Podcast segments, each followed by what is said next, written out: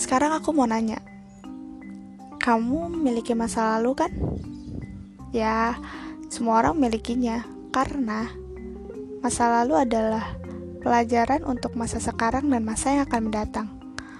Masa lalu memang banyak kita kerjakan dosa, maka hiduplah di masa sekarang. Iya, masa kita sadar dulu salah, maka kini kita berusaha untuk mengubah. Mengubah jadi lebih baik, mengubah kesalahan yang pernah kita lakukan. Waktu nggak bisa kita undur, tapi bisa kita perbaiki di hari ini. Dan hidup di masa sekarang itu bukan berarti kita tidak memikirkan masa depan, tapi kita memposisikan dan mengatur porsi yang membuat plan kita itu sesuai dengan apa yang mungkin dan mampu kita lakukan. Berarti nggak boleh tinggi-tinggi, bukannya harusnya setinggi-tingginya ya kalau mau berharap. Ya, aku tahu itu.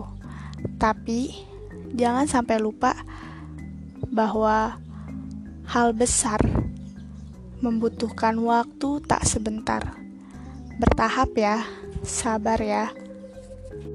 Dan ingat sesuai kemampuan dulu. Kalau emang kamu mau hal besar, maka kerjakan juga suatu hal besar. Jadi, lakukan terbaik, yang terbaik, semakin baik, semakin baik pula hasilnya.